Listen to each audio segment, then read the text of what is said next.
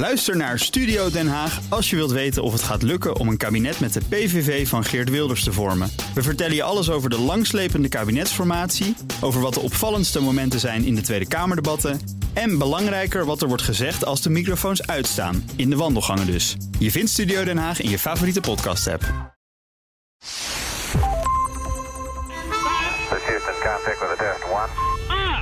Touchdown confirmed.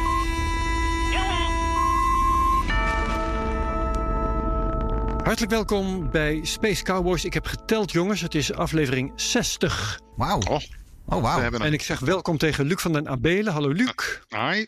En ik zeg welkom tegen Thijs Roes. Hoi, Thijs. Hey, hoi Herbert. Dat is een respectabele leeftijd, eh 60. Ja, ja, het precies. is een mooi rond getal. Nu, eh, nu zijn we historie aan het schrijven. Exact. We stomen op in de richting van de 100. En ik vraag, nou, ik draai de volgorde eventjes om voor de gein, omdat het kan. Thijs, wat is jouw boeiendste onderwerp vandaag? Ehm, ja, wat het boeiendste is, dat moet, moet de luisteraar zelf beslissen. Blijven. Maar ik, eh, even denken hoor. Maar even, als ik er eentje uit mag kiezen, dan vind ik wel... Oké, exoplaneten is altijd voor mij wel een, eh, een, kindje. Dus eh, eh, ik- nieuws over exoplaneten en de vraag hoe hoe dicht bij onze buren wonen. Hartstikke leuk. Exoplaneten. Luc.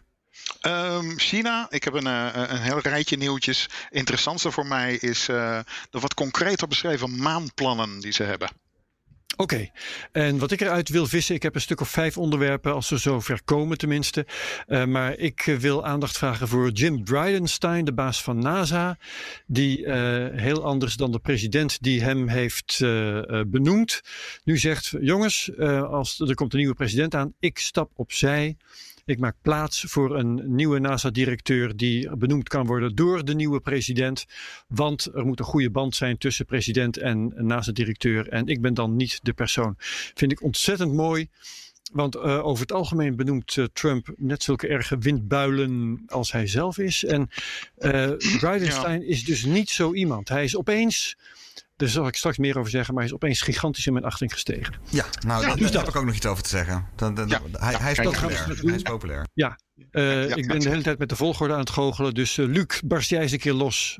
Ehm, Nou, oké, ga, maar, ga maar eventjes zitten. Het is eh, een hele hoop China, eh, nieuwe raketten, nieuwe astronauten en ook nieuwe maanplannen.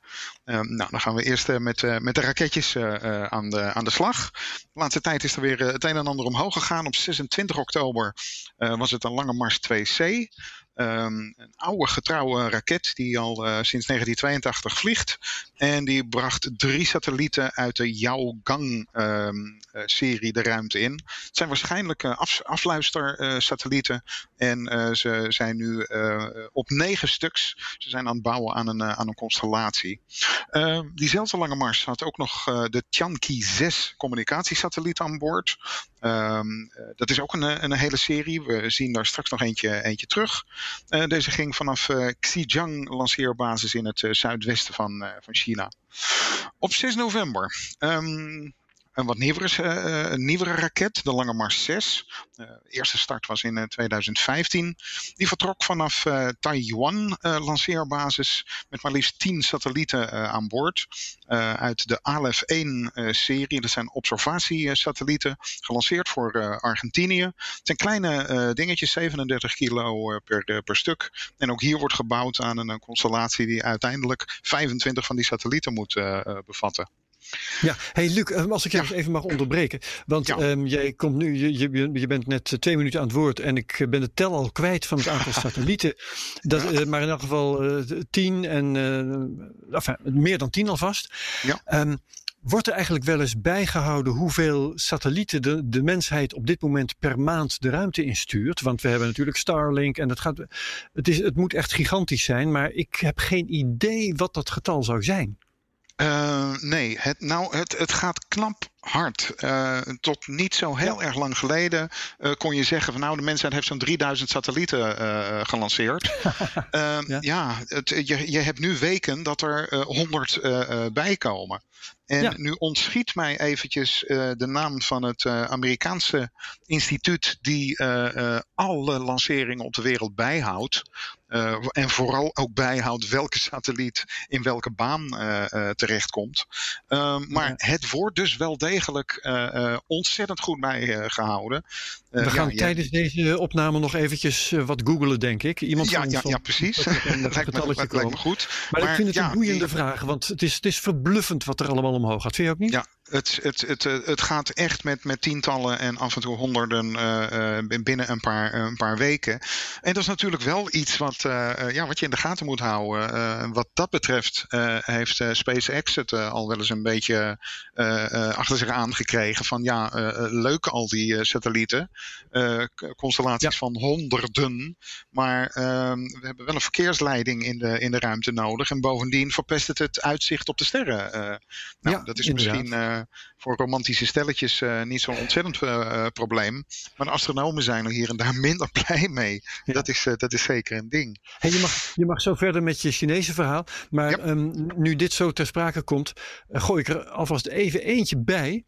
Want een van de onderwerpen die ik hier had, was even kijken of je nou niet eh, opeens ontsnapt. Ja, hier is hij. Ehm, NASA heeft, eh, de, eh, heeft een eh, ruimtevaartbedrijf uit Texas erop aangesproken. Eh, dat is AST. Ehm, dat die 200 echt hele grote satellieten, 243 hele grote satellieten eh, de ruimte in wil brengen op een hoogte van 720 kilometer. Dat moet ook weer een telefoonnetwerk worden waar je rechtstreeks met je handset verbinding mee kan leggen. En de baas van dat Texas, eh, eh, in Texas gevestigd bedrijf eh, zegt ook van ja, als je dit soort dingen wil, dan kun je niet toe met een CubeSat. Dus eh, elke satelliet van dit bedrijf, elk van die 243, heeft een schotel bij zich van eh, 900 vierkante meter. Wauw. En dan moet je dus denken, als dat een vierkant zou zijn, dan was het gewoon 30 bij 30 meter. Ja. Ehm, en nou is het zo eh, dat daarmee verdedigt EST zich eh, dat die eh, schotel niet gericht is in de bewegingsrichting. Want als dat wel zo was, dan was het dus een eh, door de ruimte bewegende muur van, van eh, 900 vierkante meter die met van alles in contact kan komen. Als, aangezien deze schotels bewegen zoals, ik zal maar zeggen, je een satellietschotel richt als hij eventjes bij storm zo weinig mogelijk wind moet vangen. Ja. Dus eh, hij beweegt zijwaarts. Om die reden heeft hij een werkzame doorsnede, zoals dat heet, van maar drie vierkante meter. Dus in die zin valt het mee. Maar Ja. NASA begint dus al bedrijven erop aan te spreken. Hé hey jongens, jullie lanceren zoveel eh, dingen en die hebben een zodanige omvang. Dit wordt gewoon een probleem. Ja, dat kan ik voorstellen. EST eh, ver- eh, verdedigt zich ook nog met het betoog dat ehm, de kans dat eh, de, een zo'n satelliet in de problemen komt. Ik zit even te zoeken naar de passage. Die is ehm 1 op de 5000 of iets dergelijks. En al met al is het betoog dat dit hele netwerk van 223, 243 satellieten heeft over zijn hele levensduur een kans van 1 op 20 dat er een botsing ontstaat. Ja. Maar ja, oké, eh, dan heb je het netwerk van Starlink en dan heb je het netwerk van Amazon en dan heb je dit en dat netwerk. Het telt wel op. Ja, zeker. Dus, Nou het, eh, het, het probleem is dat er dus, eh, ehm, ja, wat ik net zei, wel een organisatie is die alles bijhoudt. Maar niet eentje die, nou zeg maar, een soort kosmische eh, eh, verkeersleiding. Zo van is. tot hier en niet verder. Precies. Eh, eh, je- iedereen kan doen wat hij, wat hij wil. Wat dat betreft heb je een beetje het vergelijk met eh, internationale wateren eh, op zee. Eh, ja, de ruimte is ook van, eh, van iedereen. Eh, kijk, ik heb een groot probleem als ik met mijn privévliegtuigje het Russische luchtruim binnen, eh, eh, binnenvlieg. Maar als ik er overheen vlieg eh, op eh, eh, 200 kilometer, ja, dan is het ruimte en mag je je gang gaan. Ja. Maar dat kan dus niet eh, eh, eh, tot het einde der dagen en ongereguleerd Nee. doorgaan. eh, En eh, levende satellieten die kunnen genavigeerd worden. Hè. Als er dan een, een eh, eh, botsing wordt berekend van eh, dit gaat niet goed, dan kunnen ze uitwijken. Maar Precies. de dooien, die kunnen dat niet. En het ruimtepuin dat er al is, kan dat ook niet. Nee. Dus daar zitten echt problemen die vroeg of laat eh, zich gaan vermenigvuldigen. En dat is de achtergrond natuurlijk van dit, ehm, dit verhaal. Ja, dus zeker. NASA eh, begint al een beetje zich te gedragen als die politieagent. Dat Ja. bedrijven die dit eh, doen met te weinig overleg, of met te, te grote aantallen, of te grote satellieten, die kunnen het langzamerhand toch een beetje tegenwind verwachten. Ook al heb je die in de ruimte niet. Ja, nee, nee, precies. Inderdaad. Maar goed, dat heb ik dus eh, nu op jullie losgelaten, ga jij verder met je Chinese verhaal, Luc? Ja, precies. Um, um, er was een, uh, een spannende eerste lancering van een nieuw type uh, raket op 7 november. Um, ding op, op vaste brandstof, een kleine raket, 19 meter lang, bestaat uit drie trappen. En dat nieuwe apparaat, de Ceres 1, kan 350 kilo naar een uh, lage baan om de aarde brengen. En 250 kilo in een zogenaamde zon, zonsynchrone baan. Dat is dan een baan die uh, over de polen uh, vliegt. En die handig is om het, het hele aardoppervlak te bekijken. Nou, dit is een, een raket van het bedrijf Galactic Energy, een commerciële onderneming. En die heeft ook nog een andere raket op vloeibare brandstof in, in ontwikkeling. Dat ding heet de Pallas 1. Uh, en um, nou, die, die gaat dan uh, over een tijdje zijn, uh, zijn eerste vlucht maken. Met deze lancering ging het helemaal goed. Um, hij bracht één satelliet in de, in de ruimte. En daar hebben we die Tanki weer. Dit was nummer 11 uit de serie. Die gunstig in een baan om de aarde kwam. Um, China is behoorlijk bezig met uh, commerciële uh, bedrijven uh, toe te laten tot, tot de ruimtevaart, zeg maar. Dat gaat niet altijd zonder slag of stoot. er zijn twee andere bedrijven die met kleine raketten bezig zijn, die alle twee één lanceerpoging hebben gedaan, die helaas alle twee mislukte. Maar achter de schermen wordt, wordt hard verder gewerkt en van die ondernemingen gaan we zeker nog, nog meer horen. Ja, dat wat betreft uh, de actuele lanceringen. Um, dan is er een, een andere uh, interessante ontwikkeling. Uh, die gaat over de maanplannen van, van China. begin deze maand publiceerde China een, um, nou, zeg maar een beetje een schets van het maanprogramma. Wat uiteindelijk mensen op de maan moet, moet laten landen. Welke maanplannen precies? ja, nou ja, dit, dit, zijn de meest, de meest actuele. Um, ze, uh, ze beschreven een, uh, een, nieuwe raket die hiervoor ontwikkeld gaat, uh, gaat worden. Dat is wel opvallend, want al jarenlang heeft China het over de Lange Mars 9. Een hele grote raket, 4000 ton stuwkracht, die echt past in, in de klasse van de Sturnus 5 die lijkt uh, uh, op een zijspoor te zijn uh, gezet. En op dit ogenblik werkt China aan het ontwerp van een, een andere raket die een beetje de architectuur van de Falcon Heavy van SpaceX volgt maar een stuk groter is. Het wordt uh, een ding wat uh, drie blokken uh, in de eerste trap heeft. Ook naast elkaar neergezet, net zoals die Falcon Heavy. Deze zijn alleen 5 meter in, in doorsnede. De hele raket is 90 meter hoog. En um, nou, net zoals de Falcon gebruikt hij veel motoren. Elk blok heeft zeven motoren van 120 uh, ton stuwkracht. Uh, een tweede trap met twee van dat soort motoren. Die Hoeveel zei je dat hij in eerste instantie heeft, de eerste trap? Het zijn drie keer zeven motoren, dus 21 motoren. Oh ja, en, en, Falcon Heavy heeft er natuurlijk drie, drie keer negen. Ja, ja precies. Toch? Heeft drie negen, drie Falcon 9's naast, naast elkaar, zeg maar. Ja, ja inderdaad. Dit zijn dan ja, wel wat krachtiger uh, motoren die op uh, kerosine en vloeibare zuurstof uh, gaat. Mm -hmm. hey, moet, nu, het, nu het hierover gaat, word ja. ik wel heel benieuwd. Weet jij of uh, ergens in China nog iemand bezig is met het uh, hergebruiken van onderdelen van raketten, zoals SpaceX dat doet. Want daar hoor je nooit ja, wat ja, over. Er zijn, er zijn ontwerpen van lange Mars varianten. en dat ziet er dan een beetje gek uit. Dat ziet eruit alsof er drie rakettrappen naast elkaar zijn gezet. En dan is de verwachting van nou, de twee buitenste die vallen eerst af en keren dan terug naar aarde. de ontwerpen die ik hier heb gezien, gaat dat geheel als één stuk naar, uh, naar beneden. En moet dan ook niet erg fantasievol op een platform in de oceaan uh, landen. Dus er wordt wel degelijk aan gewerkt. Ook um, die, die kleine raketten die, die op het ogenblik aan een grote opmars bezig zijn. die zijn al, ik geloof dat er al één exemplaar heeft gevlogen met van die kleine grid fins. Om het gewoon te testen.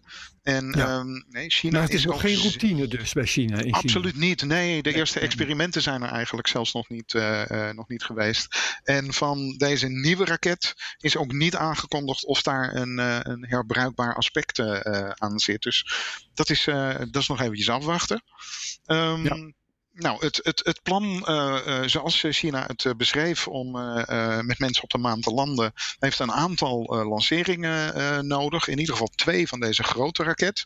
Eén om een maanlander te lanceren en eentje om een rakettrap te lanceren die dan nog vol brandstof zit om de hele boel richting maan te, te kunnen sturen. Um, een derde lancering zou dan waarschijnlijk van de Lange Mars 7 zijn met een exemplaar van het nieuwe ruimteschip, uh, wat eerder dit jaar werd, uh, werd getest. Um, alles moet dan in een baan om de maan uh, gaan, gaan, gaan koppelen, zodat er een precieze landing kan worden uitgevoerd. Dat landingsvaartuig is ook weer iets interessants. Um, waarschijnlijk is dat ding met, met wielen uitgerust, want het moet in ieder geval over het maanoppervlak heen en weer kunnen gaan bewegen. Um, nou, hey, wacht, daartussen... Luc, want dit, dit roept weer allerlei vragen op. Ja. In de eerste plaats, dat, dat wil ik echt even kwijt. Uh, is iets bekend over het tijdschema van de Chinezen? Want voor Artemis hebben we 2024 en wij hier bij Space Cowboys lachen dat weg natuurlijk. Wij geloven daarin. Ja. Wordt, wordt met uh, de nieuwe president waarschijnlijk nog veel moeilijker. Maar ja. um, als jij zegt uh, Chinees ruimtevaartprogramma, wat is nou precies de agenda van de Chinezen? Wanneer staan die daar met een aantal astronauten op de maan? Ze zijn, ze zijn uh, um, wat dat betreft nog steeds ouderwetse Chinezen en uh, tillen af en toe een tipje van de sluier op en daar blijft het dan bij. Uh, en die schema's af te leiden uit wat ze doen? Nou, er, er, er wordt alleen via, via een zijspoor een, een hint gegeven. die Lange Mars 9 die ik net noemde. Um, daarvan wordt gezegd, die kan wel eens gebruikt worden om een groot onderdeel van een maanbasis te lanceren. En voor, de, uh, voor die raket wordt nu 2030 genoemd als eerste vlucht. Oh, um, Ja, dus dat dus, is echt um, heel ver weg nog. Ja, want, dit, want als dit, jij zegt uh, ze lanceren iets met wieltjes, dan is dat dus niet om een astronaut in te vervoeren. Uh, nee, die zou, uh, eigenlijk zou dat een soort mobiele maanbasis uh, zijn. Zo moet je hem denk ik een beetje, een beetje beschouwen. Oh, okay. um, opvallende is, is inderdaad dat, en dat is eigenlijk dan mijn volgende onderwerp, dat er een nieuwe groep astronauten, in China ook wel taikonauten genoemd, is geselecteerd. En daarvan wordt gezegd dat die helemaal gericht is op het ruimtestation waar volgend jaar de bouw van gaat beginnen. Um, dus het lijkt erop dat ze nog niet toe zijn aan het selecteren van Chinese astronauten die naar de maan gaan, gaan vliegen. Nou, dan kan je er sowieso van uitgaan dat het, het hele plan een stukje verder in uh, de toekomst ligt. Ja, helder. Ben je daarmee aan het eind van je Chine Chinese update? uh, nee, nee, ik wil nog eventjes de details oh, nee, van, van, van, die nieuwe uh, groep uh, taikonauten, zoals ze ehm, dan worden genoemd. het zijn 18 nieuwe astronauten, ehm, waarvan er één vrouw is. En ze zijn geselecteerd uit diverse groepen. Zeven komen uit de Chinese luchtmacht. Uh, er zijn er uh, ook nog eens zeven die uit de lucht- en ruimtevaartindustrie komen. En dan vier payload specialists um, die uh, ruimtewetenschappen als achtergrond hebben. Een beetje vergelijkbaar zoals dat ging met mensen van bedrijven aan boord van de, de shuttle. Ja, ja, en hebben die uh, in China eigenlijk dezelfde heldenstatus als in Amerika en in mindere mate in Europa? Nou, dat vind ik wel opvallend. Uh, uh, de eerste uh, keren dat China astronauten lanceerde, kwam dat urenlang live op de Chinese tv. Ja. Na een vlucht werden er diverse boeken gepubliceerd over ja, alleen maar die ene ruimtevlucht. En dat is bij de laatste twee missies niet meer gebeurd. Um, op een gegeven moment is er wel ook een, een officieel bericht gekomen. Uh, of dat nou van uh, het Chinese ruimtevaartagentschap of van de uh, centrale Chinese tv was. Dat weet ik even niet meer. Maar de strekking was wel van ja.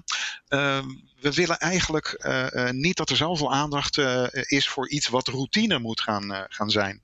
Nou ja, dat is allemaal maar relatief, want Chinese ruimte, bemande ruimtevluchten, die hebben toch al gauw twee, drie jaar ertussen eh, zitten. Dus zo routineus is het niet. Nee. Maar um, de heldenstatus lijkt eigenlijk een beetje van staatswegen een beetje teruggeschroefd te zijn met uh, de paar laatste uh, bemande ruimtevluchten. Ja, oké. Okay. Thijs, jouw eerste ja. onderwerp. Ja, nou, even, even andere versnelling.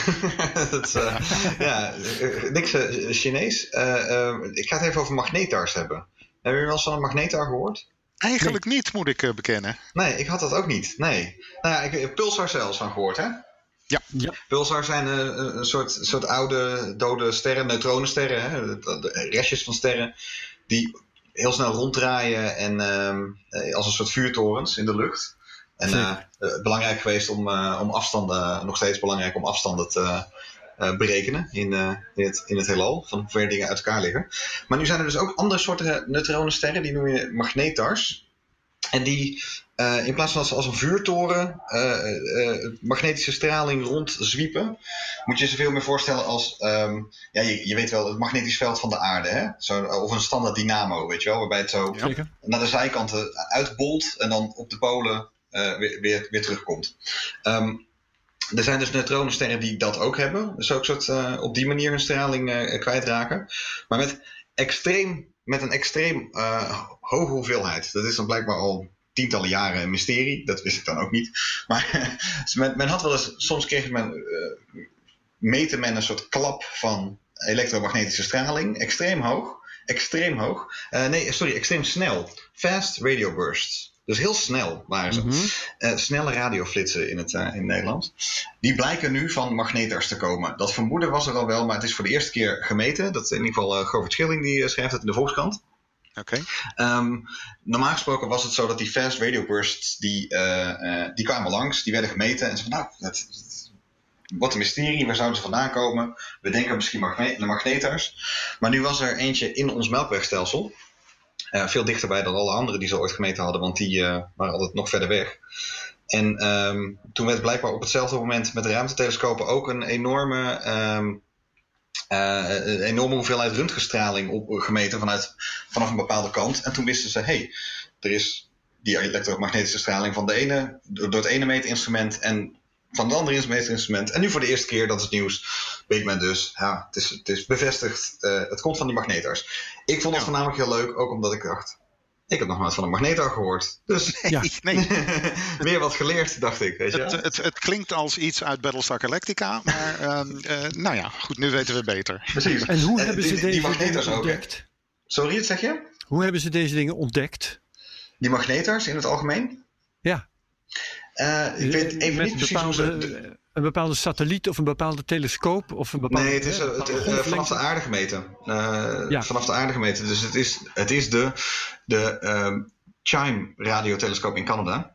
Ah, zo, oké. Eh, dat eh, ja, het ziet eruit als een soort gebogen zonnepanelen met een, eh, met een, met een ontvanger in het midden. Ehm, Ja. Maar eh, eh, nee, kijk, neutronensterren kennen we al wel. Hè? Dus neutronensterren zijn, het- het- ze- ze zijn een klasse van neutronensterren. En daar is in zijn algemeenheid natuurlijk ook wel onderzoek naar gedaan. Eh, Dus bijvoorbeeld, een- als, het, als je het over die magnetars hebt, dan heb je het dus over eh, eh, een, een, een ster ter grootte van nou ja, maximaal ongeveer 25 kilometer. dus kan je het voorstellen. 25 kilometer, hoeveel een ster ter grootte van 25 kilometer. Dat is minuscuul, ja. Minuscuul. En dan, dan, dan even, even de statistiek is: 1 kubieke millimeter weegt, weegt ongeveer 100.000 ton. Ja, dat, dat is zo bizar. Dat- het is een beetje dat idee van een theelepeltje zoveel als de aarde. Weet je. Dat weegt zoveel als de aarde, weet je wel. precies. Zo, ja, dat- precies. dat en heb je zoveel goederentreinen voor nodig, dat soort ver- vergelijkingen. Ja, precies. Op een gegeven moment het gaat gewoon, Ja, zeg maar, totaal je voorstellingsvermogen te boven. dat, Ja. is, eh, Oh ja. dat is het ding. Maar neutronensterren, ja, hele vette dingen. Dus ehm, eh, Ja. eh, dat, dat is even, e- even een klein uitstapje richting astronomie. Doen we dadelijk weer. Maar dan Herbert, dan eh, ben ik eerst benieuwd wat jij eh, te vertellen hebt. Ja, nou ja, ik had jullie eh, in het vooruitzicht gesteld dat ik ehm, Jim Bridenstine wilde bespreken. Ja. Ehm, en eh, ja, het is een, toch een interessant verhaal. Ik eh, lichtte net al een tipje van de sluier op. Hij is in 2017 benoemd. Mhm. En hij was dus een eh, door Trump genomineerd eh, NASA-directeur. En dat was natuurlijk, hij was ehm, afgevaardigde van de Republikeinse Partij uit Oklahoma. Nou, en ik dacht zelf toen deze man dus op deze manier uit de hoge hoed werd getoverd, daar gaan we weer. Ehm, wat hadden we bijvoorbeeld? We hadden ehm, Ajit Pai bij de Federal Communications Commission. We hadden bijvoorbeeld Rick Perry als minister van Energie. We hadden Betsy de Vos als minister van Onderwijs. Ehm, de weblog Boing Boing die ik volg, die noemde dit soort benoemingen a fox in every henhouse. Dus je maakt van elk kippenhok maak je een VOS-directeur en dan weet je precies wat er gebeurt. Nou, dus het onderwijs werd afgebroken en het energiebeleid werd afgebroken. Allemaal. Uh, oppassen, het Department of Energy gaat voornamelijk over kernkoppen. Gaat niet over, uh, dat is een verwarrend ding, maar dat... Ja, dat is waar. Daar heb je gelijk ja, in. Maar ook Rick Perry ging over de oude kernkoppen. Ook het Environmental Protection Agency, uh, daar werd dat soort beleid gevoerd. En, uh, nou, ja, absoluut. Dus, dus het is niet uh, een beleid van, niet, niet een waarneming van incidenten waar ik het over heb. Het was gewoon echt een structureel beleid dat overal, alles werd kapot gemaakt. Ook weet, het, de klimaatwetenschap bijvoorbeeld, daar kun je een dergelijk verhaal over vertellen. Overal. Ja. Dus toen kwam Bridenstine, republikeins afgevaardigde, een man zonder ruimtevaartervaring. Ja, precies. Die werd geparachuteerd in de NASA en uh, ja, eigenlijk iedereen hield zijn hart vast. En wat blijkt nou, die man heeft het eigenlijk best wel goed gedaan. Mm -hmm. Ik weet niet of hij nou echt handen ja. wordt gedragen, maar hij wordt gewaardeerd en hij staat echt pal voor de NASA. Hij staat pal ja, voor de ruimtevaart. En, uh, heeft een stip op de horizon gezet ook. Um, heeft een stip op de in het verleden zijn we wel vaker uh, gematigd positief geweest over hem. Van hij ja. heeft toch bepaalde dingen zijn een beetje een soort van uh, reclame maken voor NASA. Maar dat heeft de NASA gewoon nodig. Uh, dus ook een dat stip op de horizon zetten in een soort ingedutte, ja. ja. in een soort ingedutte organisatie. Uh, was helemaal niet slecht. En wat jij zegt over op handen gedragen. Het grappige was dat. Um, ik moet even denken welke dag het. Nou ja, ik, vorige week, jongen, de, de, tijdens de verkiezingen. ik heb echt. Ik, ik, ben geen dag voor acht uur s ochtends naar bed gegaan ongeveer. Mijn hele, mijn hele week lag overhoop. Het was, gewoon, en het was een drama. Ja, dan ben jij nog een halve Amerikaan, hè? Dat, uh, ja, daarom. Het was, het was, het was helemaal totaal gestoord. Ik, ik zat alleen met mensen uit Amerika in de lijn. CNN ja. deed het wel leuk, ja. Ze, ze hebben geloof ik 24 uur volgehouden van over een paar minuten nieuwe uitslagen. En ja. Die, uh, ja, nou ja. Nou, ik zat op een gegeven moment, had ik, had ik uh, een, een, site gevonden die gewoon ruwe data uit die staten de hele tijd projecteerde. Waardoor ik gewoon de hele tijd zelf in de gaten kon houden hoe het zat. Dat er niet al die lagen van die nieuwszenders ja. tussen Ik wil even voor waarschuwen dat we nu niet de verkiezingen moeten gaan nabespreken. Nee, nee, nee. nee. nee. Maar goed, maar goed. Maar goed maar ik, het is relevant, want vervolgens volgens mij op vrijdag. Vrijdag was de dag dat het echt al uh, uh, uh, duidelijk was dat Biden ging winnen. Maar ja. hij was nog niet gecalled. Nou, vreselijke dag, heel dag maar zitten wachten. Maar toen ging er dus al een petitie rond op whitehouse.gov, ondertekend door maar liefst 180 mensen. Uh, die zeiden: uh, hou uh, Jim Bridenstine aan in een volgend, oh, in een ja. volgend kabinet. Ja, ja dat, dat soort petities, die, dat is mogelijk. Hè? Je kunt op whitehouse.gov, het heeft niks te maken met het huidige nee, Witte Huis, wat een leugenfabriek is. Maar het is al, ook in de Obama-tijd was whitehouse.gov. Ja. Nou, dat was een plek waar je zulke petities kon. Je, en, en je had je genoeg handtekeningen, dan moesten ze er wat mee doen. Hè? Dat is een gulden regel. Ja, precies. Ja. En het is niet helemaal, het is niet ongewoon. Hè? Dus uh, Obama hield ook uh, de bepaalde mensen aan toen uh, van, van ja, Bush. En het, ja. ik, ik, vond, ik vond Biden ook echt gewoon een, de juiste kandidaat ervoor. Om, als je wil laten zien van nou, hè, we zijn niet totaal anti. We zijn hele goede. En wat dat betreft politiek misschien best wel handig ja. van hem. Om nu een stap terug te doen hè, uit zichzelf al heel vroeg. Want een dag later deed hij al een, een, een stap terug uit zichzelf. Ja. Uh, nou, dat is natuurlijk ook uh, een sollicitatiebrief ja, dat, dat vind aanblijven. Het is dus gewoon interessant, behalve dus dat hij zijn werk goed heeft gedaan. Ja, uh, is hij dan ook nog zo beschaafd om te zeggen van oké, okay, ik ben iemand die door Trump is benoemd. En dan bij NASA hoort eigenlijk iemand te zitten die door de zittende president is benoemd. Dus ik doe ja, dat zo. Ja. Dat vind ik dus gewoon echt een teken van beschaving. Wat je ja, precies. In de, goed dat je het aanstipt. Ja. dingen heel uh, zelden tegenkomt. Ja, ja nogal dus, verfrissend in, in deze tijd. Ja. En het is natuurlijk mogelijk dat als hij dat stapje terug doet, dat uh, Biden dan zegt: Hey Bridenstine, eigenlijk wil ik jou. Nou, dat, en dan, ik kan me dan voorstellen dat hij dan alsnog dat stapje vooruit weer, weer doet. Maar dat is dan een, een open vraag. En aan Biden. En dat hij dat aan Biden laat, dat vind ik gewoon heel mooi. Ja, Zeker. Heel goed. Dat, dat heel is goed. mijn verhaal. Ja, ja, het is trouwens wel heel opvallend dat uh, er gaan al allerlei namen in het rond uh, uh, wie Bridenstine zou kunnen. dat natuurlijk ook, ja. Oké, okay, en ik heb, volgens, volgens mij heb ik tot nu toe alleen maar vijf duidelijk vrouwelijke namen gehoord. Ah, ja. Oh, dat is natuurlijk dat ook, zou ook wel eens een, een, ja. leuke, een leuke afwisseling ja, kunnen zijn. Die, die ja. kant kan het natuurlijk opgaan. Dat, is, dat, dat zou ook mooi zijn. Dus laten we dat volgen en de, eventueel een volgende keer dat opnieuw bespreken.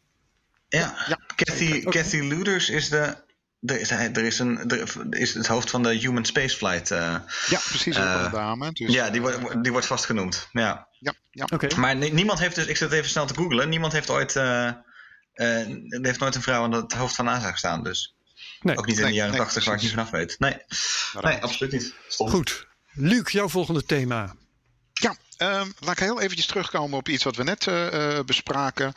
Ehm, die instantie die alle lanceringen en satellieten volgt is Ah, ja. NORAD. De North, Oh, NORAD. Aerospace- Oh, tuurlijk. North ja. American Aerospace Defense Tuurlijk. Command. Die houdt het allemaal, eh, allemaal bij. En, en heb je misschien Ehm, ook al een getal boven water gekregen? Want dat Nee, nee da- dat niet. Want ik ben, ik ben veel minder multitasker dan, eh, dan jullie. Ik, eh, ik kan eigenlijk maar één ding even doen, tegelijk. Terwijl jij, terwijl jij praat over het Wat is vocht. de vraag? Sorry, dat, eh, dat eh, was toen ik even wat audioproblemen had. Wat was de, welke vraag stond nog open? Ehm, een organisatie die de eh, aantallen satellieten die worden gelanceerd bijhoudt. Dus aantal satellieten per maand, dat zocht ik. En dat is dus NORAD, alleen nu zoeken we dat getal nog. Ja, Hoeveel er zijn? Hoeveel satellieten per maand er Ja. omhoog gaan? Ja, Ja. Ja. inderdaad. Gemiddeld. Nou, goed Ja. zo. Doen jullie dat? Ga ik het weer over, eh, over SpaceX eh, eh, eh, hebben. oh leuk. Ja. Want ehm, aanstaande zondag, dat is 15 eh, oktober, ehm, gaat de Crew One de lucht in. De Crew Dragon, die voor het eerst een operationele vlucht gaat, gaat uitvoeren. ja, want de vorige was maar een test met die twee. ja, die, precies, eh, inderdaad. Demo 2 eh, was dat. Die ging op 30 mei de ruimte in met Hurley en Banken, twee NASA-astronauten. Die vervolgens twee maanden aan boord van ISS verbleven. Eh, De landing met het eh, toestel eh, eh, ehm, glansrijk overleefden. Het toestel deed precies wat het, eh, wat het moest. En eh, daarom is deze week ook pas de Crew Dragon officieel door NASA gecertificeerd eh, eh, om eh, mensen naar het ISS te vervoeren. Ehm, het grappige is dat de laatste keer dat dat gebeurde al een enorme tijd geleden is. Dat was in 1982, toen de Space Shuttle zijn eh, brevet eh, eh, kreeg. Nou, ehm, aanstaande zondag dus eh, ehm, ehm, eh, de, de volgende lancering, eh, de eerste operationele. Het gaat, als ik me goed herinner, om tien voor twee s'nachts op zondagochtend gebeuren. Koppeling is voor Amerikaanse begrippen heel snel. Acht en een half uur later moet hij al aan, eh, aan ISS vastmaken.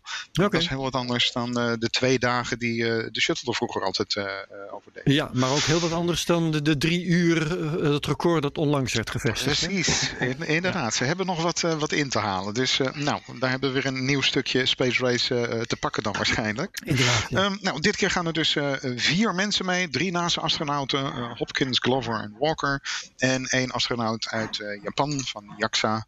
Het is meneer Noguchi, die al voor de tweede keer eh, vliegt. Ze zullen vervolgens een, eh, ongeveer een half jaar in het ISS eh, verblijven. Ehm, nou, er, wa- was nog wel eventjes het een en ander met, eh, met de raket aan, eh, aan de hand. Eh, voor vandaag, 11 november, was er nog een motortest van de Falcon eh, 9 eh, gepland. SpaceX is een, een beetje voorzichtig met deze raket, omdat er twee van de Merlin-motoren in de eerste trap zijn vervangen. Nadat er wat problemen waren bij een eerdere eh, lanceerpoging van een Falcon 9 die een GPS-satelliet eh, moest lanceren. Oh, die van recent. Ja. Ja, precies. Twee, eh, maand, die- die, twee eh, maanden geleden zoiets. ja, 2 oktober eh, eh, was ja, dat ja. inderdaad. Het, het bleek toen, er ging van alles mis met, echt in het laatste stukje van het, van het aftellen. Er was iets mis met de motoren. Onder, onderzoek heeft nu uitgewezen dat er wat restjes van een afdeklak in de motoren terecht waren gekomen. Die worden gebruikt bij het behandelen van de metalen delen. Het schoonmaken, En, toch? Dus als hij hergebruikt wordt, dat, dat rode, rode spul of zo waar het over gaat. Ja, het, het was een, een, een rode lak. Dat was inderdaad achtergebleven, losgeraakt. En dat blokkeerde een, eh, een- leiding. En eh, toen ze de boel gingen nakijken, bleek dat er ook in andere motoren eh, die restjes waren aangetroffen. In deze Falcon 9 die de Crew One eh, moet, moet lanceren. En ook nog in één motor van een andere Falcon eh, 9. Dus dat, dat moet nog gebeuren als, als laatste test. Nou, ervan uitgaande dat SpaceX behoorlijk zijn, zijn best doet als het gaat om bemande ruimtevaart, zal dat wel goed gaan. Ehm, dus eh, zondag eh, eh, spannend. Ehm, dan moet ik eerlijk zeggen dat ik niet weet of ik er eh, mijn nacht voor ga onderbreken. Want Mhm. ik ben dan wel de hele nacht eh, kwijt. En we hebben net de verkiezingen achter de rug. verkiezingen? Ja, nee, precies. ja. Maar ik zag gisteren ook nog eh, ehm, Starship SN8 op het, eh, Uh, Precies. die zou gaan static fire, maar dat uh, ging niet door. Uh, ja, ja toch wel. Um, oh, oh. ze, hebben, ze hebben recycled en ze hebben één van de drie motoren heel kort ontstoken. Ja. Um, ja, wat, wat op dit ogenblik heel spannend is met, met Starship, is dat hij dus een paar weken geleden is voorzien van zijn neuskegel. Mm -hmm. um, daarmee hebben we nou, de, het, het prototype Starship, uh, uh, wat heel erg lijkt op wat de uiteindelijke versie zal worden, voor het eerst compleet. En, en dat is het bijzondere, helemaal in de neus zit één brandstoftank. Nou, die combinatie hebben ze nu getest van die brandstoftank en één van de Raptor-motoren in de eerste trap. Um, dat is een gekke positie voor zo'n brandstoftank, maar die is hard nodig voor de balans bij de landing. Je moet je voorstellen dat uh, zeker bij de, de eerste vlucht, die uh, nou, dan misschien nu binnen een paar weken gaat plaatsvinden, wordt er naar 15 kilometer hoogte gevlogen en dan wordt de landing alweer ingezet. Dus um, die raket is half leeg. Motoren, het zwaarste onderdeel, zitten onderin. Um, de brandstoftanks zullen ook maar gedeeltelijk gevuld zijn. Dus je hebt onderin heel veel massa, bovenin niks. Nou, vandaar dat die uh, header tank, zoals dat wordt, uh, wordt genoemd, in de neus is uh, geplaatst. En die, die, die, test die, die ging goed afgelopen nacht. Oh, die is uiteindelijk dus wel goed gekomen. Dat, dat, ja, dat is mooi. Ja, ja. precies. Maar die, nou, die brandstoftank, heel even. Um, ja. En uh, even om, om de tijd uh, goed te duiden. Afgelopen nacht zegt Luc. Uh, we nemen dit op op 11 november. Dus ja, de afgelopen dat is dus op 10 november. Van 10 op 11 november. Ja, oké. Okay. Sorry. Oh ja, oké. Okay, ja. ja, nee, nee, nee, geen probleem. Die, die, even, even voor de duidelijkheid. Die Starship SN8 die gaat naar 15 kilometer. Voornamelijk bedoeld niet alleen om te kijken of het ding vliegt. Maar ook om die landing meteen uit te testen. Vooral dat, landing, zeker. Vooral die landingen, daar gaat het om. Wat echt, eh, in het geval van Starship, ik nodig iedereen uit om daar even een animatie van te googelen. Dat is volslagen absurd. Nou, dat ding schrik je dood, ja. Ja, je, als je erin zou zitten, jongen, je zwiept op het allerlaatste moment, zwiep je nog even de andere kant op. En dan, uh, en dan land je. Uh, maar is, is, dat met die brandstoftank, is dat nou alleen maar voor deze specifieke testvlucht? Of gaat die brandstoftank ook daarin een ja, dat moet je maar zien. Maar is het de intentie om dit ook op het eind te doen? Of is dat alleen maar voor deze specifieke test? Nee, dat is alleen voor, uh, voor deze test. Dus ik, okay. ik verwacht nog wel dat er uh, een aantal uh, Starships op deze manier zullen, zullen worden, worden uitgerust. Oh, ja. mm -hmm. En nou, sowieso, dit is natuurlijk een, de hele bijzondere configuratie. Het is een enorm ambitieuze vlucht. Dus ze gaan zeker nog twee of drie motortests doen om te kijken of echt alles klopt voordat ze aan die 15 kilometer beginnen. Dus mm -hmm. het, uh, het begint heel spannend te worden daar. Ja. ja. ik maak even van de gelegenheid gebruik om, uh, want jij bent eigenlijk aan de beurt Thijs, maar uh, om uh, even, oh. even mijn berichten erin te gooien. oh ja, nee, tuurlijk. Ik, daarnet in het Chinese verhaal van Luc begon ik al over of ze daar in China ook raketten um, hergebruiken. er is nu, en dat was dus niet zo, maar er is nu een Amerikaans bedrijf, Rocket Lab, dat behalve, de, dat als tweede bedrijf na SpaceX gaat uh, proeven doen met uh, het hergebruiken van, uh, met het terughalen van Precies, ja. raketten. En die gaan tussen nu en onze volgende Space Cowboys podcast, namelijk half november, gaat ze weer, gaan ze weer een test doen. Ja. Um, ze gaan een raket lanceren, die dan moet dan een aantal satellieten weer, oh, die komen dan ook weer bij onze, ons telwerk, een aantal satellieten ja. in de ruimte brengen. En dan gaan ze de eerste trap in de zee laten ploffen en uh, die gaan ze opvissen. Kijken of ze dat voor elkaar kunnen krijgen. En uh, de oprichter die zegt van nou, we weten nog niet precies wat we eigenlijk uh, uh, uit de oceaan zullen halen. Of het een intacte um, eerste trap zal zijn of een smeulende stomp. ja, zijn woorden.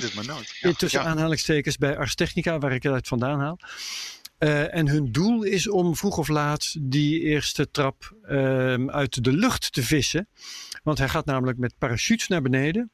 Op 80 kilometer hoogte bij uh, bijna de geluidssnelheid wordt die parachute ontvouwd. Het zijn er trouwens twee. Eerst een eerste parachute en daarna nog een tweede. Uiteindelijk moet hij naar beneden komen met een snelheid van 10 meter per seconde. En dan willen ze met een helikopter uiteindelijk, uh, om contact met zeewater te voorkomen, willen ze die uh, eerste trap vangen. Maar om het makkelijk te houden, laten ze hem nu bij de proef eerst uh, in zee vallen en gaan ze hem daarna opvissen. Wat mij niet duidelijk is geworden, dat is Ehm, of ze, ehm, even kijken, dan ben ik even kwijt wat ik wilde zeggen. Wat me wel duidelijk is geworden, zal ik eerst vertellen, dat is dat, ehm, dat eh, eh, de hele parachute entourage ongeveer 15 kilo extra gewicht eh, met zich meebrengt. Dat in elk geval. Compact, ja. Ja, en dan ben ik nog steeds uh, kwijt wat ik wilde zeggen over wat mij niet duidelijk was geworden. Maar uh, dat komt dan een andere keer wel. Dit is het verhaal uh, van, uh, van Rocket Lab. En ja. ja, die gaan dus een eerste trap binnenkort uit zee opvissen. Ja. Maar even die eerste trap, zomaar een eerste trap? Hoe bedoel je zomaar een eerste trap? Is de eerste trap van, van deze? Hun, hun eigen, je, het gaat gewoon over Rocket. En aan het begin miste ik even. Het gaat gewoon over hun eigen. Ja, het is de Electron-raket als je dat bedoelt. Mm, ja. Ja, we hebben, het er wel eens, we hebben het er wel eens over gehad. Zeker nog, ja. ik kwam vorige keer volgens mij niet op hun naam. Dat was ja. het, zoiets was het. Oh, dat maar, zou kunnen. Komen we dus vaker ergens niet op. ja, nee, precies. we hebben er allemaal wel eens last van. We hebben er, zoveel nieuws ook de hele tijd. Hè? Ja, we hebben zoveel nieuws. Uh, Oké. Okay. Het is wel, um, jouw beurt. Oh ja, nee, dus was ik aan de beurt. Ja, de, de, over, over exoplaneten uh, heb, is het leuk. Kijk, we hebben het regelmatig over exoplaneten. We weten tegenwoordig dat ze er zijn. Hè? Um, Jazeker. Dat, dat was vroeger nog onbekend. En eigenlijk uh, sinds Kepler omhoog is gegaan, hè, het ruimte. Uh, ja, hoe, het was een telescoop. telescoop ja. Die keek eigenlijk de hele tijd naar één plakje van de uh, hemel. En um, vervolgens vanwege de transitiemethode, hè, als er een planeet voorlangs kwam, dan werd het gedetecteerd door, door Kepler. Omdat hij gewoon constant een foto nam en eigenlijk al die verschillende lichtpuntjes meten. Ja. ding ging kapot. Uh, is toen weer gerepareerd. Heeft nou nog naar een ander stuk lopen kijken. Allemaal verschillende soorten data verzameld. En eigenlijk zie je dat um, ja, het verwerken van al die data en onderzoek daarnaar doen, dat, dat, dat kost jaren. En dus krijgen we nu steeds scherper in beeld um, ja, hoeveel en wat voor een exoplaneten er zijn. Het nieuwtje is dat er, nieuwtje, er zijn in ons melkwegstelsel, gewoon in de melkweg, um, zijn er op zijn minst 300 miljoen uh, planeten die in de habitable zone liggen en groot genoeg zijn en potentieel goed zijn voor ons om ook te leven. En dat, er vliegen de hele tijd een beetje van zo'n soort getallen rond, dus het is soms ook een beetje arbitrair of zo om te kijken um, van, van hoe groot is het getal nou wel of niet. Ik denk dat het constant ook ja. een beetje verandert. Maar het, het onderzoek ernaar, de, de, er zelf naar is interessant, vind ik. Omdat ze dus dit keer voor de eerste keer het met um, uh, data van de Gaia-telescoop van de ESA hebben okay, cross-referenced. Ja. En mm-hmm. dan zie je dus dat eigenlijk de hoeveelheid data die dus verzameld is en de manier om daarmee om te gaan, de hele tijd leidt tot een veel beter begrip eigenlijk van, um, uh, ja, van hoeveel exoplaneten er nou precies zijn. Ja. En, uh, dus dat is heel mooi. Dus het, het, nieuws is eigenlijk van die, die, die datasets die worden nu goed gebruikt en die uh, worden goed tegen elkaar afgezet. En daar, komen dan, daar rollen dan een paar feitjes uit waarvan je wel denkt: oké, dat is wel echt gek. Um, ze, het, het, het lijkt erop dat um, er ongeveer vier. Nou, het ligt een beetje aan op welke afstand je kijkt. Maar ze hebben berekend dat de, de beste planeet voor ons in de buurt gemiddeld om de 20 lichtjaar zit. Zo gemiddeld, als je gemiddelde spreiding zou nemen, heb je om de 20 jaar ongeveer één uh, planeet die uh, uh, voor ons uitermate geschikt is. Ja, maar het is dus, vanwege die habitable zone. Vanwege die habitable zone. Um, ja, ja, Is de, um, die houdt rekening met temperatuur en dergelijke. Hè, en uh, hoe ver je van zo'n zo'n ster af bent. Um, mm-hmm. Maar houdt hij ook rekening met bijvoorbeeld een rotsachtig oppervlak, met water aanwezig, uh, met uh, ja, een dag- en nachtritme? Ja, ik zal het even proberen specifiek te, te zeggen. Ik zal hem er even bij pakken. Het is namelijk um, het is vrij taaie kost.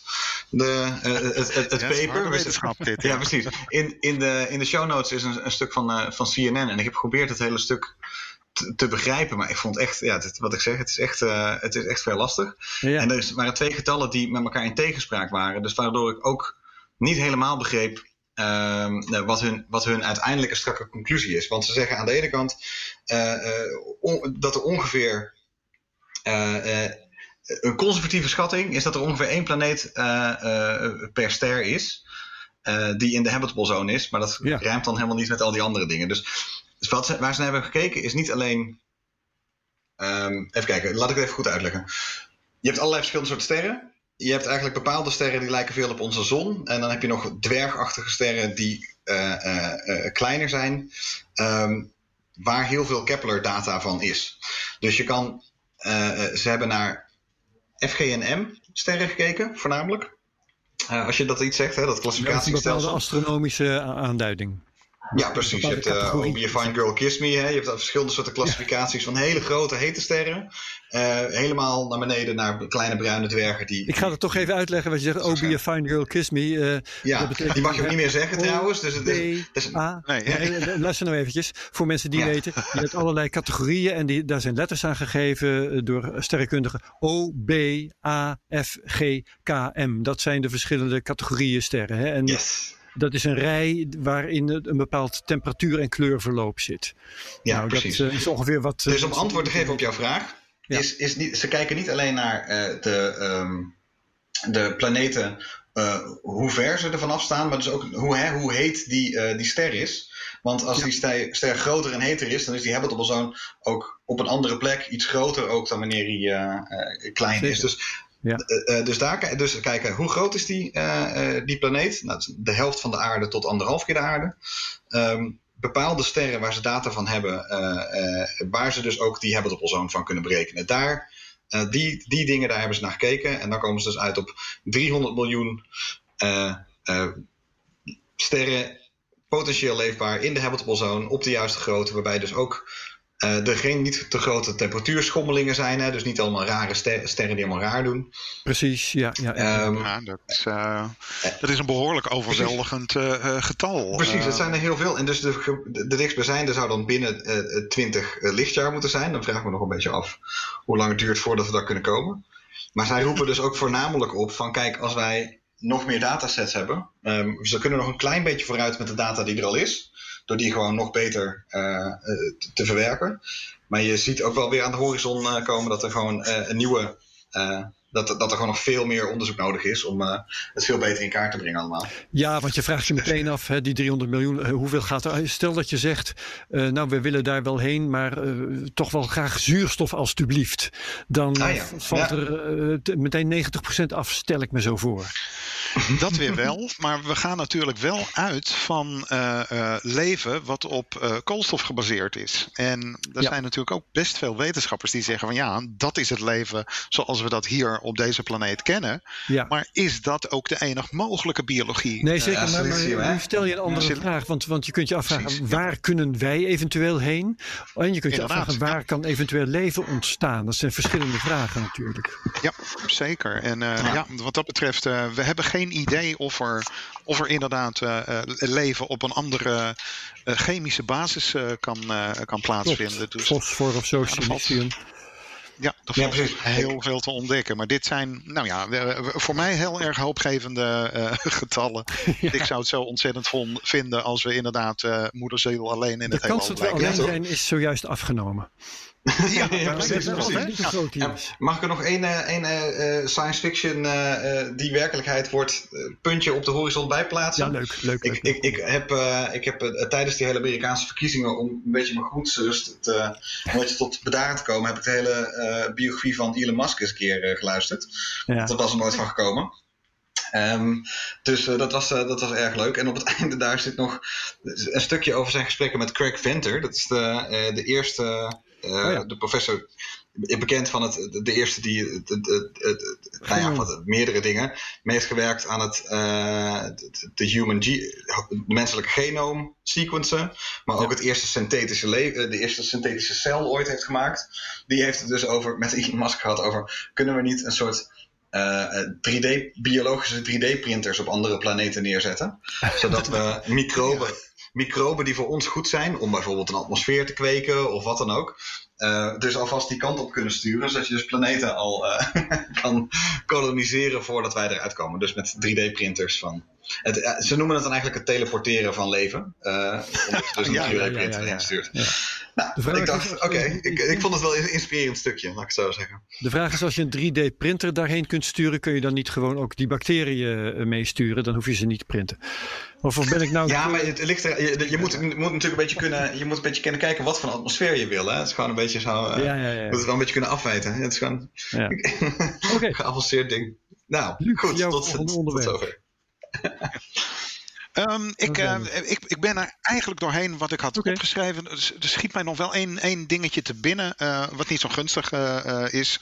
Ehm, er wordt gesproken over de budgetten voor, voor NASA. zoals dat ieder jaar wordt, wordt aangevraagd. En de laatste geluiden zijn dat er voor de maanlander binnen Artemis ehm, eh, slechts 30% eh, is gefinancierd van wat nodig is. Ehm, dus nou ja, we hebben het Ja. al vaak over gehad eh, aan deze tafel. Ehm 2024 was het moment dat er weer mensen op de maan zouden moeten landen. Daar hadden we al het, allemaal onze sceptische overwegingen bij. En Yes. ik denk dat we nu dus wel zover zijn dat we gewoon een vette streep eh, eh, door die datum kunnen, kunnen zetten. Eh, afgezien van het feit dat naar alle waarschijnlijkheid Biden de nieuwe president is. En ehm, die heeft toch net een andere blik op, ehm, op zeker bemenste ruimtevaart dan, dan Trump dat, dat had. Mhm. En ja, voor de ontwikkeling van die, van die lander is dit natuurlijk geen goed nieuws. Nee. Er wordt ook aan alle kanten gezegd van ja, je kunt nu wel bezuinigen, maar dan smeer je het uit over langere tijd. En aan het eind van de rit ben je dan eigenlijk nog meer geld kwijt dan, eh, dan dat je van plan was. Dus eh, Ja, Ja, maar goed, dat is, eh, het de nieuwe, klimaat is sowieso, eh, gaat- wordt er niet beter op. nee, nee, precies. Dit is eh, de nieuwe realiteit waar we eventjes mee, eh, mee moeten leven. Ik vraag me wel even af hoor. Van hoe, ik bedoel, we kunnen er even één minuutje over mijmeren wat Biden zou doen voor NASA. Je hebt wel het idee dat er misschien iets meer het bureaucratische weer terug inkomt. Maar aan de andere kant was het wel Obama die natuurlijk eh, gewoon het, de privatisering van de ruimte wel doorzette. Ja, maar Dus, Biden begint nou, nu met, de, met de, de, eh, als prioriteit het bestrijden van de pandemie. Nee, tuurlijk, en- tuurlijk. Maar hij zet, hij zet daar ook gewoon zijn mensen neer natuurlijk. En ik denk dat hij eerder over klimaatverandering bijvoorbeeld, dat hij daar een punt van Precies. Ja, Maar, klimaat. eh, En, eh, eh, en, en, en dat, dat dreunt ook door in eh, hoe hij eh, eh, de missie van NASA eh, ziet. Dat zou veel meer gaan over klimaatbeheersing, aardobservatie. Ja. Ja. En ja, exploratie eh, eh, gaat, gaat daar toch een wat minder grote rol eh, spelen dan, eh, dan bij Trump. Dat is in ieder ook wel, geval ja. al wel duidelijk. ja, minder prestigeprojecten natuurlijk. Zeker. Oké.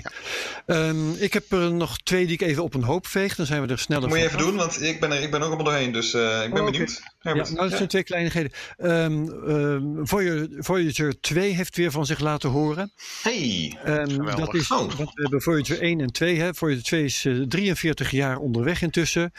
En staat op, wat was het nou, 250 astronomische eenheden of iets dergelijks. Eh, nee, 125 astronomische eenheden. Dus 125 maal de afstand tussen de zon en de aarde. Zover staat 28 uur ongeveer, hè? afhankelijk van waar de aarde staat ten Ja. opzichte van de zon.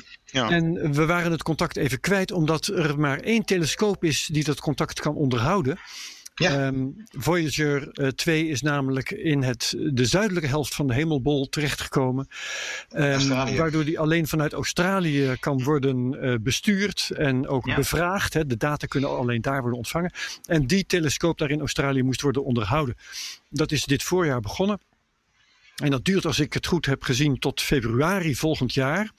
Maar ze hebben even gekeken eh, of alles nog oké was. Dus ze hebben een bericht gestuurd van Voyager. Hallo, is alles goed daar?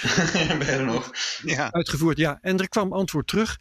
Dus Voyager 2 heeft een teken van leven gegeven. Dat wou ik eigenlijk... Geweldig, hij doet het nog steeds. Omdat wij dat Ja. volgen natuurlijk hè, als een van de mooiste en oudste ruimtevaartprojecten Ja. Eh, die we kennen. Die het nog steeds doet. En- Absoluut, heel goed. Dank je. Dank je dat je elke update, elke update is goed. Want men zegt, Daarom. nee, men zegt van tot 23, 4, 2023, 2024 heeft hij nog wel stroom in zijn plutoniumreactor. Maar Ja. ehm, eh, ja, tot nu toe heeft hij iedereen, eh, vri- vriend en vijand, verbaasd eh, met hoe lang dat ding het uithoudt. Dus eh, Dat is allebei. En, dus op, op een of andere manier wil hij niet dood. En we hopen, hopen dat dat mooi zo. Dat hij nog lang bij ons blijft. Nou, ik gun het hem, zeker weten. Ja. Heel goed.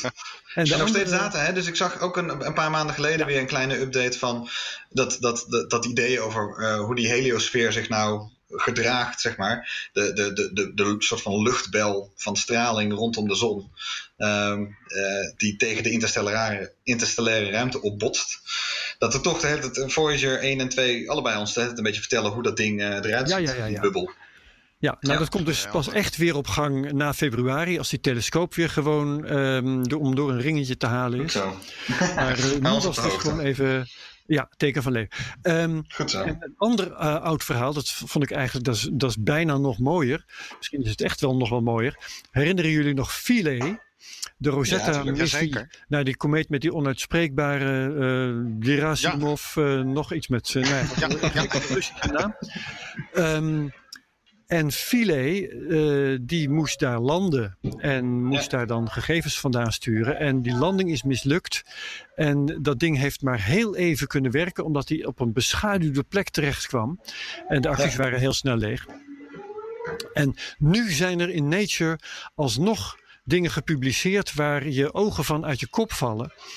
Want wat is er namelijk? Ze hebben niet alleen eh, een foto kunnen maken van waar dat ding terecht is gekomen. Ik zit, as we speak, zit ik nu te kijken naar een foto, eh, ook opnieuw in Ars Technica toevallig, waar je filet gewoon ziet liggen.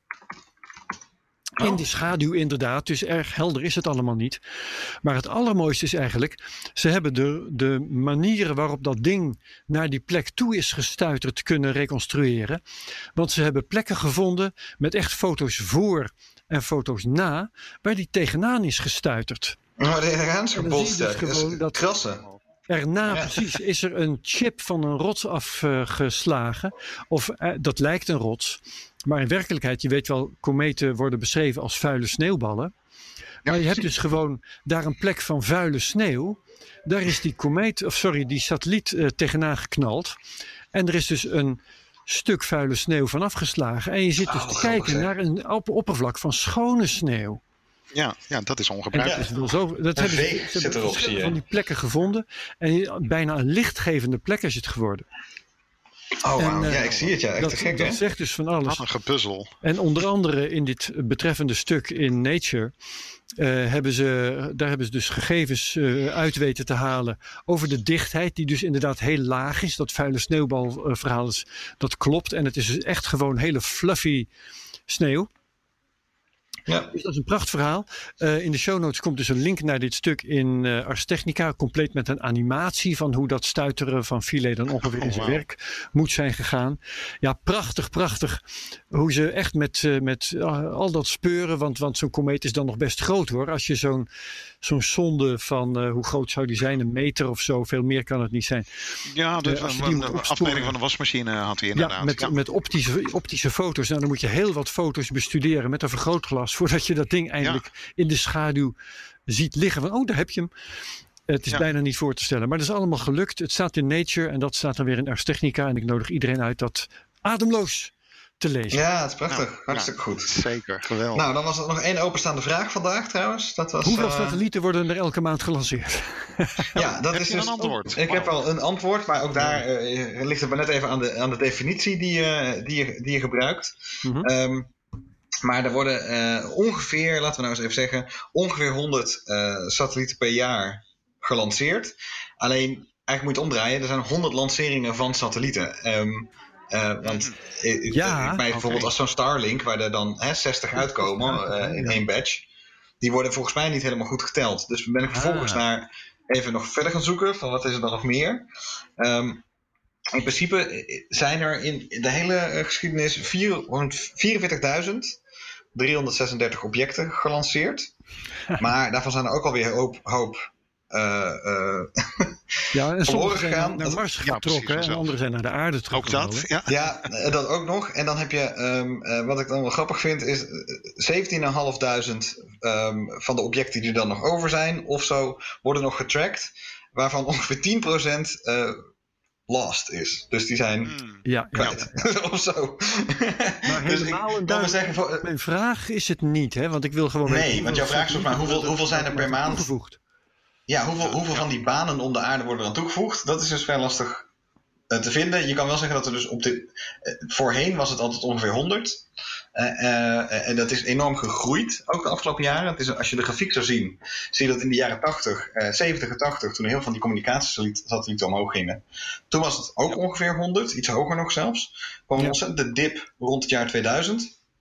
En dat is nu dan langzaam weer omhoog gegaan. En de meest recente cijfers die ik zie zijn tot 2019. En je ziet dat het enorm aan het groeien is. Dus, Ja. ehm, ja, precies. Want eh, eh, 100 lanceringen betekende 20 jaar geleden eh, inderdaad ook iets van, eh, eh, nou, misschien 120 eh, satellieten. ja, Maar ja, ze gaan nu met, eh, met tientallen, eh, eh, Tegelijk. tot 60 stuks eh, eh, Starlinks eh, eh, tegelijk de ruimte in. Dus precies. Dus we gaan naar de tienduizenden. Ja, en dan heb je, nog, dan heb je degene die het nog doen en degene die het niet meer doen. En eh, dat We allemaal. maken er een oproep van als er nog een luisteraar is die enig idee heeft eh, wat het getal is dat wij zoeken. eh, feel free, Ja. neem contact met ons op via Twitter, hè, at Space Cowboys Pod bijvoorbeeld. Ja, Ehm, wij zijn allemaal stuk voor stuk wel googlebaar en vindbaar. eh, eh, LinkedIn, noem maar op. Je, kunt, je vindt ons wel en eh, laat ons weten wat eh, het antwoord is op die vraag. Yes. Ja, Herbert. Blankenstein, Herbert Luc van der Abelen en Thijs Roes. En Thijs Luc, zit jij op Twitter? Eh, ja, maar ben niet heel erg actief. Ah, oké. Nou, dat is oké. Dat is dan een leuke opgave voor onze luisteraars. Eh, we hebben nog geen eh, kant-en-klaar Space Cowboys adres. Misschien dat het een keer komt, maar ja, dan moeten we weer bepalen wie dat bij gaat houden. Allemaal een beetje lastig. Ehm, iemand die echt dat antwoord heeft en het aan ons kwijt wil, die gaat daarin slagen. Weet ik. Twitter. Ja, Twitter, dan, eh, daar zit, Twitter daar zit een ook. Daar kijken we naar. Oké, hey, ik stel voor dat we Hey. hierbij laten. Dit is denk ik een van de eerste Space Cowboys die langer is dan een uur. Dus dat hebben we Ah. dan tenminste bereikt. Waar Herbert bij zit, laten we wel wezen. Oh, ja. Zonder mij was het al gelukt, bedoel je? Ja, ja Zeker, inderdaad. zeker, zeker. Ja, ik heb deze keer helaas geen orde kunnen houden. Overigens zeg ik het wel. de- opname is langer dan een uur. Maar eh, ik denk dat er wat uitgeknipt gaat worden. Want we hadden op een gegeven moment spraakverwarring. eh, dus ik denk dat de Technische problemen, uitvallende systemen. lager, eh, gaat uitpakken. Inderdaad. We zullen het zien. Gaat goed komen. Oké, ik neem afscheid van Thijs Roes. Ik neem afscheid van Luc van der Abelen. En ik neem afscheid van de luisteraar. En tot over twee weken bij de volgende Space Cowboys. Dat wordt dan nummer 61. Dag allemaal.